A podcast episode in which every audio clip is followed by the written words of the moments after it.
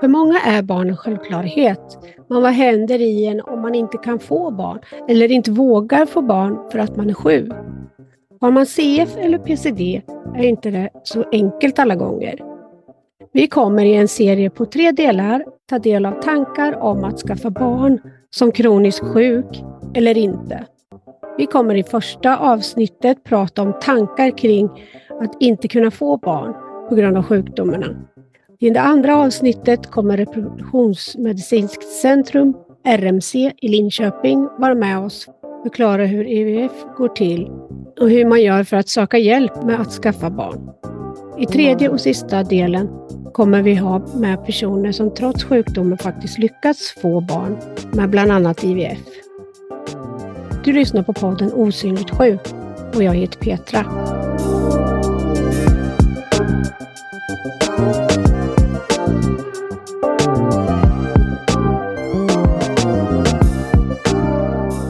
I dagens avsnitt, som är första delen av tre om att få barn eller inte som kroniskt sjuk, kommer vi höra Marie Rismalm som har CF och är transplanterad och Tanja Hedberg som har PCD om hur deras tankar varit och är om barnlöshet.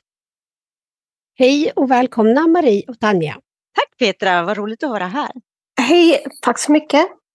Som transplanterare är det inte lämpligt att bli gravid och det är ju bland annat på grund av de mediciner man tar mot avstötning med mera som är starka, som kortisonpreparat till exempel.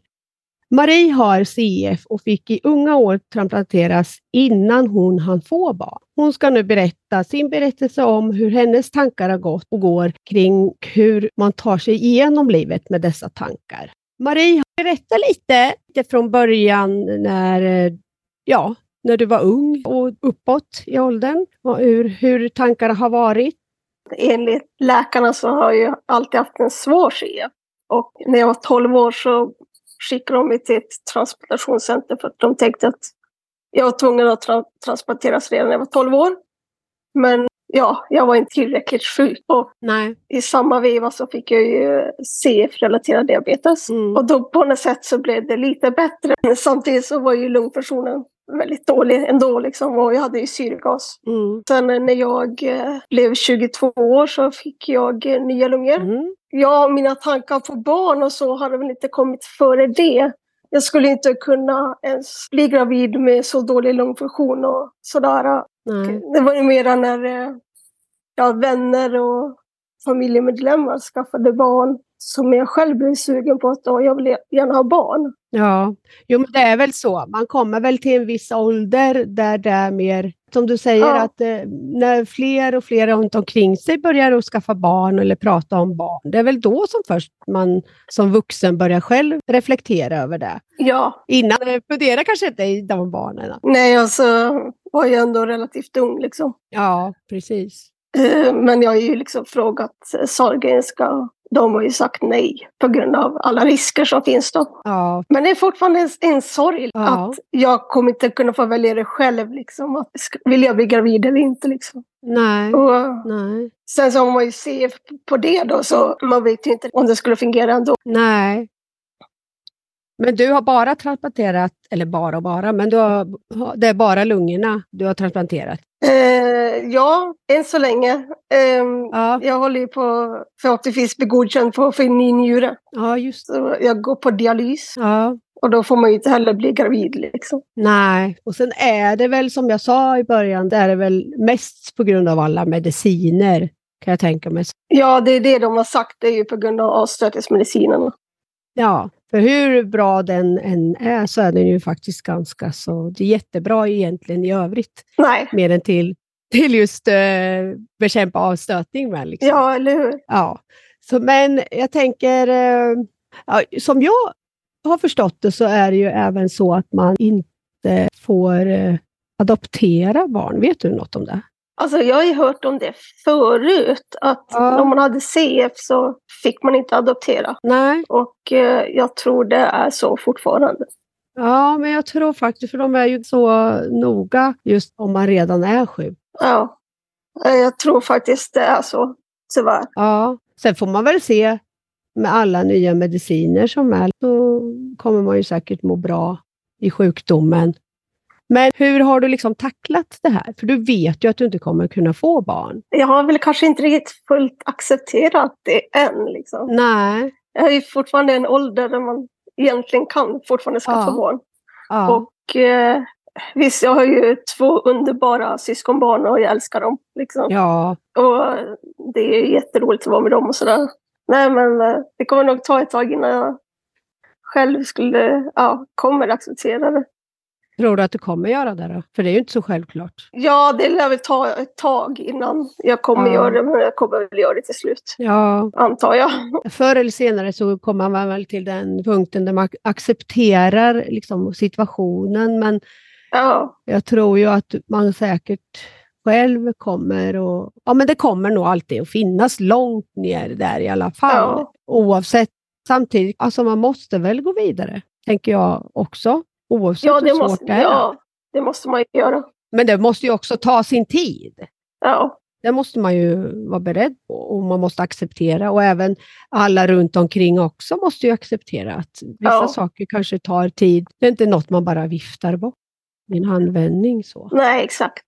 Och ibland har jag funderat på det kanske kommer någon sån här mirakelmedicin eller något som gör att ja, men, vi också kan bli liksom gravida. Ja. För surrogatmedlemskap i Sverige är ju förbjudet också. Mm. I alla fall senast jag hörde. ja, precis. Det finns de som har, eh, mig veterligen, som faktiskt har, har gjort det, fast utomlands. Ja, men det är ganska dyrt. Ja, men precis. Det är ju en ganska ansträngd situation överhuvudtaget, tänker jag. Alltså, det tar ju väldigt mycket ork Ja. och tid och pengar att göra en sån sak. Ja, det också. Jag tänker på, hur, hur länge har du varit transplanterad nu? Eh, I 16 år. Ja. Så det är ett tag. Ja, precis.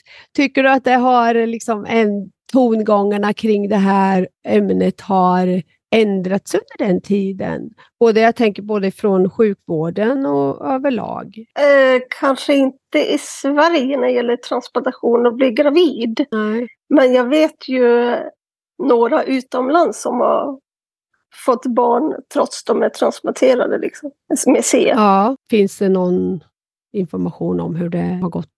Jag tänker just det här med medicineringar och sånt. Nej, jag vet faktiskt inte. Nej. Nej, för jag har ju kontakt med en tjej som har fått barn då efter sin transplantation i, från Nederländerna. Ja, Okej. Ja. Och det gick ju bra i alla fall. ja. Då tänker man att ja, men om andra länder kan tillåta det, varför kan inte Sverige? Alltså jag tänker, visst det är ju jättebra att man är noggrann och sådär. För att till syvende och sist så är det så att ja, men även du som mamma liksom måste ju klara av en Ja. graviditet och en förlossning. Och även, och jag menar det är ju bara en, början. Sen börjar ju allt annat Ja. när barnet ska växa upp. Och, jag menar alltså att man ska orka och ta hand om ett barn Ja, det är klart.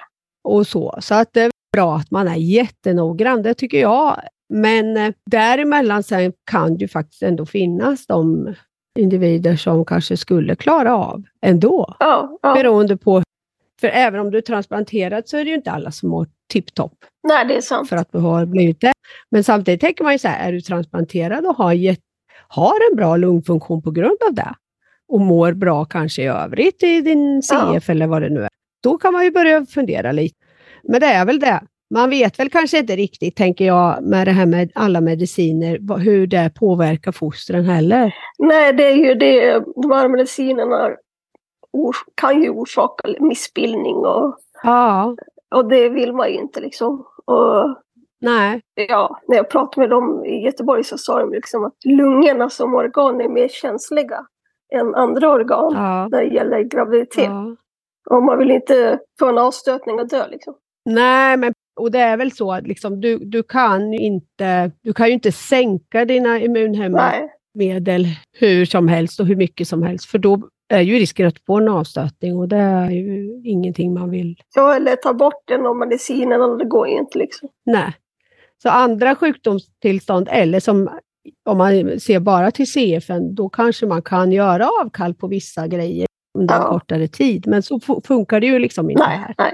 Du, måste, ju- du får ju den medicin av en anledning och för att du måste ha det, så att säga. Ja. Nej, man vill, heller, man vill inte heller tänka på att ja, om man tar bort en av medicinerna bara för att man vill bli gravid, alltså hur länge ska det, kommer det- det hålla liksom? För att, eh, Nej, men precis. precis. Och då kanske du blir så pass Ja. dålig så att du inte klarar av att föda ditt barn eller ta hand om ditt barn ja, när det kommer. Så att, eh, eller i värsta fall att barnet kanske till och med dör. Ja. Bara för att du själv inte mår bra. ja, eller att man själv dör liksom. Ja, så att själva tanken den, den förstår man ju varför Ja. det är som det är. Så är det ju. Alltså, jag, full, jag accepterar fullt det som de säger på transplantationscentrum, Ja. det gör jag ju. Ja, Men eh, det finns ändå liksom en sorg i mig att jag, ja. ja men så är det ju. Det går ju inte bort sig Nej. ifrån att man, man ändå... De flesta vill ju ha Ja. barn. ja, Och det är ju lite människans naturliga att man ska föröka sig. Så att det är ju inte så konstigt egentligen att man känner så. Nej, men man tänker ju också på liksom att man vill ändå ge tillbaka till sina liksom föräldrar att de ska få liksom ett barnbarn. Ja. Och sådär. Och det är, en, det, det är sorgligt att man inte kan göra det.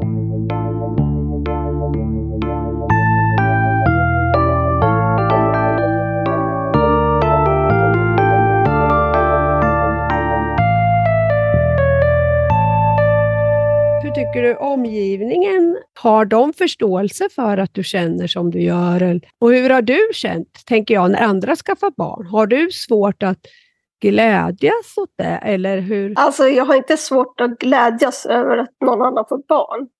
Jag är Nej. glad över alltså, att de får ja, den lyckan. Liksom. Omgivningen, ja det finns ju vissa som inte riktigt förstår. Alltså varför liksom. Nej. Men eh, ja, jag har ändå lyckan att liksom, jag har ganska många vänner som faktiskt inte har barn. Av olika Nej. anledningar. Ja. Och därför känner jag mig inte så ensam. Nej, men det är väl skönt? Ja, det är skönt. Ja. Så man får en viss eh, förståelse och man, kan, man kanske kan vädra sina tankar lite med dem också. Ja, De vet vad man pratar om ja exakt. för känslor, tänker jag. Ja. Sen vet man ju inte om någon av dem kommer göra det i framtiden. Inte. Nej, men precis. Och det kan ju vara att man är väldigt sjuk just nu också och att man kanske blir bättre. Och då kan det ju bli så att man kanske skaffar barn. Men det är ju då. Ja, Det är ju hur det är nu och hur man eh, tacklar det nu. sant. Men jag tänker, speciellt som i ditt fall, där du blir transplanterad som ung liksom, innan du hi- hinner att skaffa barn. Ja, Skillnaden är ju om du har hunnit att skaffa barn. Då är det ju ingenting konstigt med det. ja exakt. Men då har du ju ändå fått barn. Ja, Och där vet jag de som har fått som också, de är ju lite oroliga när de blir, om de blir sämre. Hur, ja, hur det liksom ska påverka barnen och familjen och den situationen. Ja. Det är ju också en sak som man kan gå och oroa sig för när man ändå har fått så svårt sjuk. ja, det kan jag verkligen tänka mig. Ja, Om man har barn och så kanske man, när man blir väldigt dålig och behöver en transplantation. Att då är det verkligen barnen man tänker på först. ja, men det är ju lite så. Ja, Eh, Även om man egentligen, som CFare vet ju att du blir sämre och sämre. Även ja, innan du skaffar barn och när du skaffar barn. Att du, vet ju, du, vet ju inte, du vet ju att du kan bli sämre, men du, man vet ju inte hur fort det kan gå heller. Så ovissheten finns ju nej. även där. Och en del blir ju väldigt mycket sämre bara av att vara gravida också. Så att det är ju väldigt Ja, jag tror att äh, oavsett om man kan få barn eller inte, så finns det ju, och du har en kronisk sjukdom eh, som i det här fallet, ja, både PCD och, och CF där man kan bli försämrad och det kan gå väldigt fort. Att all, oavsett om du har barn eller inte så har du en oro i kroppen. Ja, men då har du en längtan om det här att du vill vara, må så bra så att du kan ta hand om dina barn till exempel. Så att jag tror man har, det spelar nog ingen roll eh, om man har barn eller inte. Man har en viss, en viss oro i kroppen ändå. ja, det tror jag. Speciellt om man har en kronisk sjukdom. Ja. Har du känt, är det någon betydelse i hur du mår? Kommer de här tankarna när du känner att du mår sämre eller det, har du tänkt något sånt? Ja, jag tror, lite, tror lite vis, Ja. skulle jag säga. Men då är det nog kanske för att man är lite nedsatt Att då kommer allt sånt där fram liksom helt plötsligt. Ja, jo, det gör ju det ibland. Ja, ja. ja, för jag tänker att när man är när man mår bra och man håller på med så mycket annat, då blir det att tankarna, man har inte tid att tänka på det, liksom. på det sättet kanske. Nej, nej, exakt. Och sen blir man lite sämre och man blir nedstämd av, av det. Då kommer ju även allt annat som bara Ja, hänger ja. över en också. För det vet, så har jag också varit, att när man inte mår tipptopp, det är ju så, det är då saker kan kom, bubbla upp till ytan igen. Ja, Sen när man kommer över den där och man börjar må bra igen, ja men då försvinner de tankarna lite i bakgrunden igen. Och så där håller det ju på. ja exakt. Ja. Nej, men det som gör mig glad är ju att umgås med mina syskonbarn och Ja. vänner. Och att resa. Jag älskar att Ja. resa. Ja. ja, men det är väl jätteskönt. Det är nog viktigt att man har lite andra intressen. Och det är väl jättekul Ja. liksom, att du verkligen att du har syskonbarn, tänker jag. Ja. Så att man ändå får, eh, ja, då får du låna dem. Ja, man får låna dem och sen kan man Lämna tillbaka dem när det jobbigt. dem. Ja, exakt. Det är väl det som är fördelen. Ja, eh, nej, men, nej, men just den här, ja men du får ändå den kontakten med, Ja. och det är inte, och det ska jag inte säga, det är ju inte alls detsamma som att ha egna barn. Men får väl vara liksom glad för det då, Nej, lite. nej. att man ändå får de stunderna. Ja, exakt. Man ska kunna gå och prata med någon om man verkligen behöver göra det. Ja, Om man inte har stöttning från familj och vänner. nej. Men då ska ju också den man pratar med, kanske psykolog eller kurator, den ska kunna förstå situationen. Liksom. Precis. Jo, men det är väl så. Då ska väl den vara, personen vara så insatt så att den vet vad man pratar om. Ja. För där kan jag tänka mig, det är ju många som, även friska, som kanske inte kan få barn som eh, måste gå och prata med någon, men det är ju en annan sak. Har du dessutom då en kronisk sjukdom, då är det ju rätt skönt då, om den personen är lite insatt i vad den kroniska sjukdomen gör med en, både fysiskt och psykiskt. Ja, Så att de har en förståelse för varför, det, varför man är i den situationen som man är. Så det är väl jätteviktigt, tänker jag. ja exakt.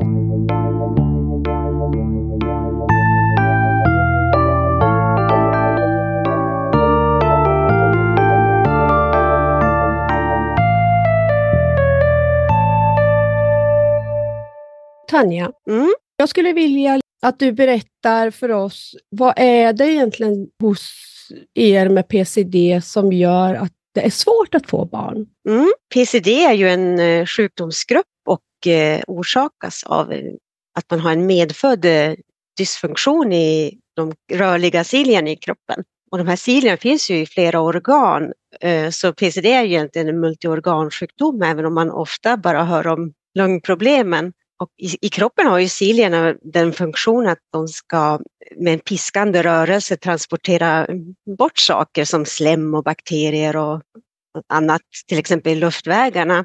Och eh, hos personer med PCD fungerar inte det här. Och, eh, man har faktiskt också cilier, om vi säger kopplat till fertiliteten då, spermiens svans är en form av modifierad cilie. Och eh, hos män med PCD så kan det påverka spermiens simförmåga och också möjligheten till befruktning. Och hos kvinnor med PCD så kan cilierna i äggledarna ha nedsatt rörlighet så att det kan vara svårt att eh, cilierna i äggledarna förflytta förflyttar det här befruktade ägget till livmodern och därför kan det vara svårt. Ja, Men man ska inte utgå från att man är infertil bara för att man har PCD. Eh, De säger att ungefär 75 procent av män är infertila och mm. något färre kvinnor. Det krävs ju förstås fler studier, det är lite osäkra Ja. siffror. Ehm, sen tror man också att eh, den genmutation som man har också är kopplad till om man är fertil eller inte. nej. Och jag kanske också ska nämna att för många med PCD handlar det också om sjukdomsbilden, att även om man kanske är fertil så orkar man inte eh, nej, precis. försöka få barn för att man har det för tufft i sin sjukdom. Ja, ja. Kan du berätta lite hur det var när du fick din diagnos? Mm. Jag fick faktiskt min diagnos väldigt sent egentligen. Jag föddes väldigt svårt lungsjuk uppe i Norrbotten och eh, flögs ner till eh, Uppsala. Tillbringade mina första månader där och sen, eh, sen dess har jag haft eh, en svår sjukdomsbild med upprepade infektioner i öron och lungor. Jag fick pseudomonas väldigt tidigt. Mm. Och man trodde faktiskt att jag hade CF, så jag har behandlats på CF-center i Uppsala och fått CF-behandling helt enkelt. Ja, ja. Och man har ju inte kunnat, man kunde inte sätta någon diagnos, man gjorde ju svettest till exempel, men Mm. det visade ju inte någonting. Nej. Så det var egentligen när jag var 20, ja, ungefär 26-27 någonting som man gjorde ett, eh, en elektronmikroskopi på mina cilier och såg att de inte såg ut som de ska. Nej. Eh, Och eh, då menade man på att jag sannolikt har PCD. Men eh, det var egentligen bara två år sedan som jag gjorde ett genprov och eh, fick det bekräftat att jag har PCD. Mm. Ja. Ja. ja, men den är väl så komplex liksom och den påminner ju väldigt mycket egentligen om just CF. Mm. Så det är väl väldigt svårt kan jag tänka mig att få en eh, rätt diagnos. Mm. Visst är det. Idag är det ju lite, nu har man ju ganska bra teknik, men det är ju att komma dit till den att man misstänker att man har vissa sjukdomar. För har man inte ens kommit dit, då är det ju svårt att veta vad man ska titta på. Liksom. Mm. Men jag vet att eh, när du var runt 20 sådär, så hände det något i ditt liv som gjorde att du i stort sett gick in i väggen. Kan du berätta lite om det? Mm. Eh, jag hade precis börjat eh, plugga på universitet och tyckte väl att livet rullade på ganska bra. Men ganska snabbt så försämrades min sjukdom. Och det gick i väldigt fart. Jag fick eh, många infektioner som avlöste varandra, många antibiotikabehandlingar. Och det tog inte riktigt så att jag var inne på sjukhus hela tiden och man började prata om transplantation och eh, man trodde inte att jag skulle överleva så många år till faktiskt då. Nej. Ehm, och jag var tvungen att avbryta studierna och eh, börja ägna all tid åt slemmobilisering och ja, men, ja, all annan behandling som man har. Ja, ja. Eh, den här behandlingsbördan blev så svår och omfattande att eh, och, det, och så stressande på något sätt. Jag fick åka in till Ja. sjukhuset två gånger per dag, ganska lång tid för att använda en maskin som skulle hjälpa mig att få upp slemmet. Och allt det här gjorde att jag small in i väggen till slut. Jag orkade inte. Precis. Jag var ju egentligen för utmattad för att egentligen orka sköta behandlingen, men man kan ju inte ta ledigt från sin sjukdomsbehandling. Det går Nej, inte att ta, bli sjukskriven från PCD. Så det var Nej. ju bara att fortsätta trots att jag var fullständigt körd i botten. Men det tror jag är viktigt att eh, gemene man får veta att, ja men jag tänker på de friska, att de, det är bra för dem att veta att det är faktiskt stressigt att ha en kronisk sjukdom. Det är en stress Ja. när man ska, speciellt eh, i de här sjukdomarna som är så pass krävande av dig som person. Du, du ska göra så mycket själv för att förhoppningsvis, för det är ju ingen garanti, men förhoppningsvis må lite, lite bättre. Så det är ju väldigt, det är ju förenat med stress, allting. Och händer det grejer på varandra så mycket som du hade då, då är det ju självklart att det blir en stress som inte man kan hantera liksom till slut. Nej. Men vad, gjorde, vad var det som gjorde att det gick över? Eller vad gjorde man för att det skulle bli bättre? Och vad var liksom, när det började, vad var det som gjorde att det började att bli bättre? Eh, Eh, att stressen började lägga sig lite? Mm. Till att börja med så hade jag en fantastisk eh, sjukgymnast då som kämpade för att jag skulle få hem den här maskinen som hjälpte mig att få upp slem. Det tog ganska lång tid men han fixade det till slut. Och, eh, Ja, ja, Det var en viktig del tror jag, att jag slapp de här resorna och fixa och trixa och Ja. planera och, och så. Eh, Så jag fick lite mer lugn och ro på så sätt, att kunna vara hemma. Hur länge mådde du så? Ehm, Det tog många år att eh, komma tillbaka. Jag skulle nog säga att det har tagit 20 år nästan. Ja. Till en början var det ju nästan så att jag var rädd för att göra någonting överhuvudtaget för att eh, man är så slut och, och rädd Ja, att varje ja. insats jag gör, kanske leder till att jag klappar ihop totalt. Ja. Allt jag skulle göra ledde till ångest och yrsel. Så det, det har tagit väldigt lång tid att våga prova mig fram och, och så. Har du orkat att jobba någonting? Nej, det har jag inte. Nej. Och jag har ju Nej. fortsatt haft eh, behandlingsbörda varje dag på, det tar ju ja, åtta timmar ungefär att få upp Ja, slem som ja. jag har. Så det, det är som ett heltidsjobb bara att sköta. Ja, men det är ju, bara det är ju Ja. ett jobb. Liksom. Och kanske ännu jobbigare än eh, vad ett jobb skulle Mm. vara. Så att, eh, det är ju inte konstigt om det tär på en, både fysiskt och psykiskt eh, egentligen. Men det var ju också någon gång där omkring som du även förstod att du inte skulle klara av att få eller ha barn. Hur gick dina tankar kring det då? Mm. Och hur, hur har du liksom hanterat det?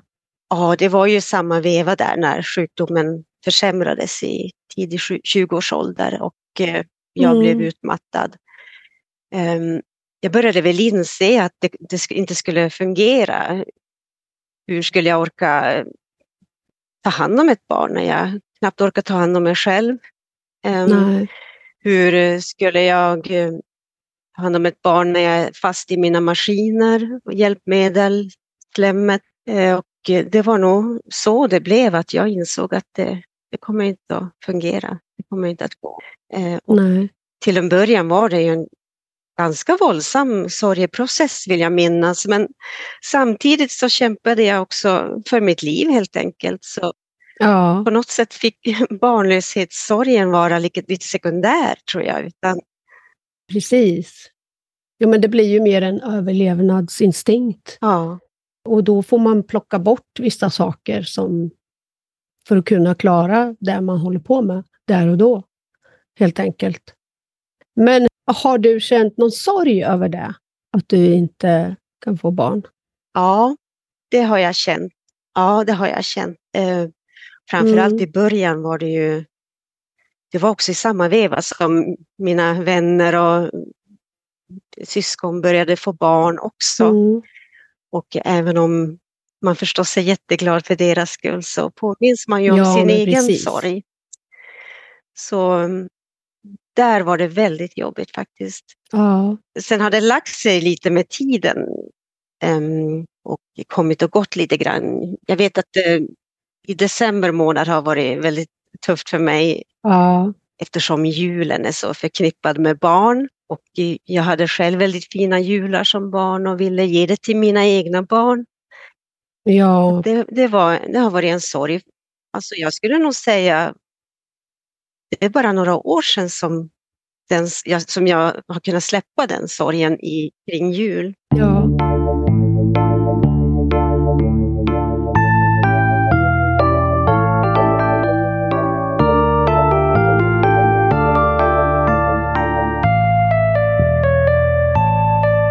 Eh, hur har du känt, eh, för jag vet att eh, jag pratade med Marie, så pratade vi om det här att ibland när man mår dåligt, alltså sämre i sin sjukdom, då kan sånt också komma upp. För då mår man så dåligt, så då kommer alla så negativa grejer upp. Har du känt så någon gång också? Att det kan komma ibland när du inte, när du egentligen är som sämst? Ja, det kan det är lite märkligt, för det är just de lägena som man inte kan, skulle kunna ha barn egentligen. Men det är ju, då är man så nere liksom ändå i allt, både fysiskt och psykiskt, så då är det ju lätt att sådana tankar kommer omedelbart. Ja, men det kan jag hålla med om att eh, det är då man påminns om allt man har förlorat eller Mm. gått miste om, som man fått försaka ge upp Ja, för att sjukdomen har tagit så mycket. ja. Vet de runt omkring dig om att, att du inte kan få barn, så att säga? Ja, det vet de. Mm. Eh, Det är väl inte så att jag har förkunnat det på något sätt så, men eh, Nej. de har väl märkt om inte annat att Ja, det har ja. inte kommit barn, men de har ju, vet ju också om att, att jag har en väldigt påtaglig behandlingsbörda. Ja. De känner ju till att jag har antibiotika, in, intravenösa antibiotikabehandlingar hela tiden och Precis. Jo, men det är väl också, och då är det väl också, det är väl ganska tryggt också då. De förstår när de ser hur du mår och har mått. Precis. När man träffar eh, okända och det kommer frågan om man har barn och eh, i sådana lägen kan jag känna att det är lite svårt. Att, eh, ja, men lite så. Ja, man får ofta lite konstiga kommentarer på ja. det. Och jag kan ibland känna att det är bättre kanske att inte fråga om man inte Nej. kan hantera svaret. Nej. Nej, och jag tänker att man, ja, men man, att man frågar sånt. För det är ju inte så självklart att man har det av olika anledningar. Egentligen. Nej, och man kanske, nej, och kanske man inte heller vill berätta sin livshistoria och varför man inte har kunnat få barn för nej. vem som helst. Och, men jag tror det är mer det här, man måste ha något och jobb, liksom. vad jobbar du med? Vad är det? Ja. Liksom, oh, vilket väder. Ja, men att man, det är liksom den här kallprats Eh, det är det enda man kan komma på att man kanske kan ha gemensamt. Ja, men det är väder, jobb och barn. Så, så det är nog mest det tror jag. Egentligen så är det så alltså jag tror inte att någon, eh, de flesta som frågar det är, är ju bara en grej man frågar. Inte... Precis, det tror jag också. Men det kan ju bli så fel också. Ja. Hur känner du för, för det faktumet idag, liksom, att du inte har kunnat få barn? Och hur du kommer känna liksom framöver? Idag skulle jag nog säga att jag har förlikat mig med det. Jag tänker inte så mycket på det alls. Nej. Jag tycker att jag har kunnat skapa ett rikt liv. Jag tycker jag har det bra trots, mm. trots allt, trots att sjukdomen är ganska svår.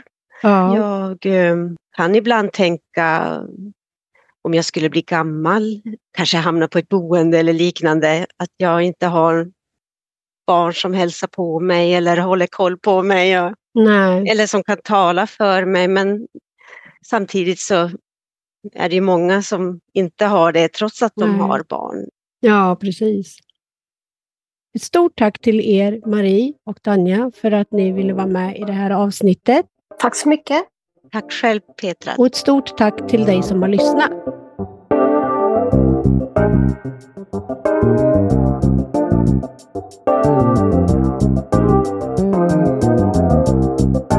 you.